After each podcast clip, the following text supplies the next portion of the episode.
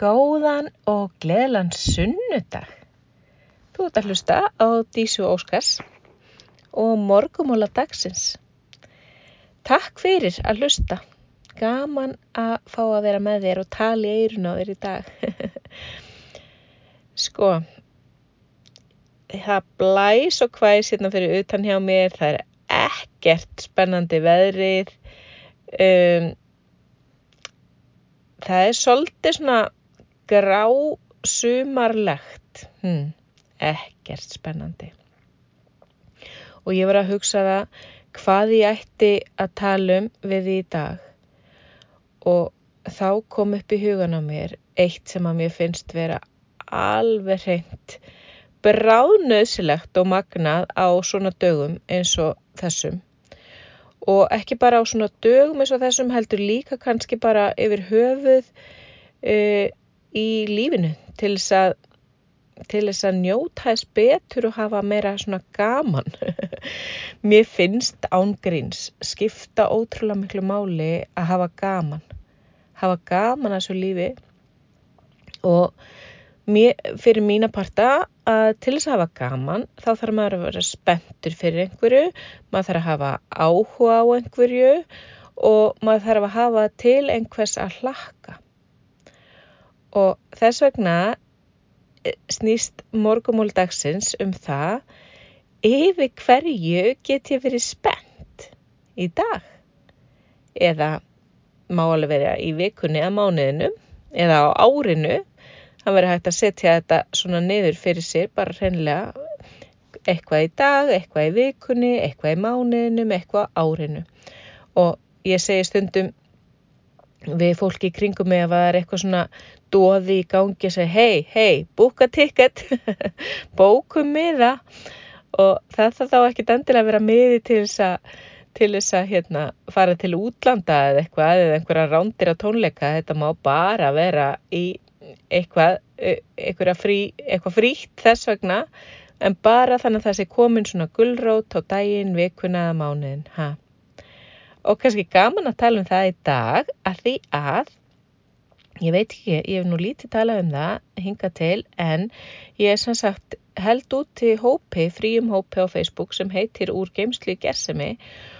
Og ég er akkurat með viðburð á þriðdaskvöldið klukkan átta þar sem að ég er að kenna fólki og ætla að sína hvernig hægt er að búa sér til sitt eigið eldstæði.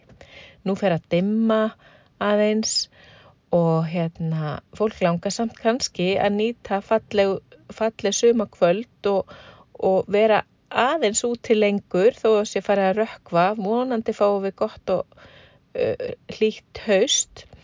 Þannig að þá væri nú gaman að geta búið til eldstæði á pallin, já, eða eitthvað, við, við, ég nota þetta líka sem flöskukæli eða blómapotta eða eitthvað, steift eldstæði eru svona yfirskriftin á þessu og eina sem þú ert að gera er að koma inn á hópin úr geimsli gesami á Facebook og vera með okkur klukkan átta á uh, annan ágúst.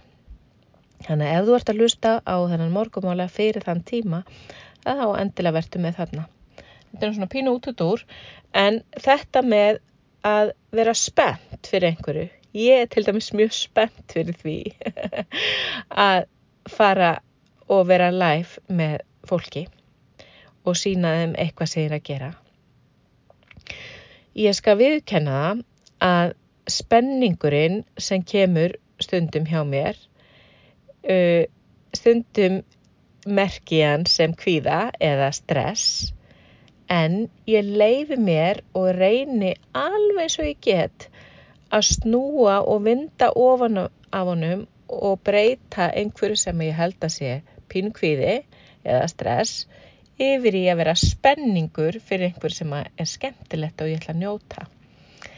Þannig að nú langar mér svo í dag að byrja þig ef það er ekki eitthvað svona framöndan hjá þér, ekki einhver gullrót að búa hana til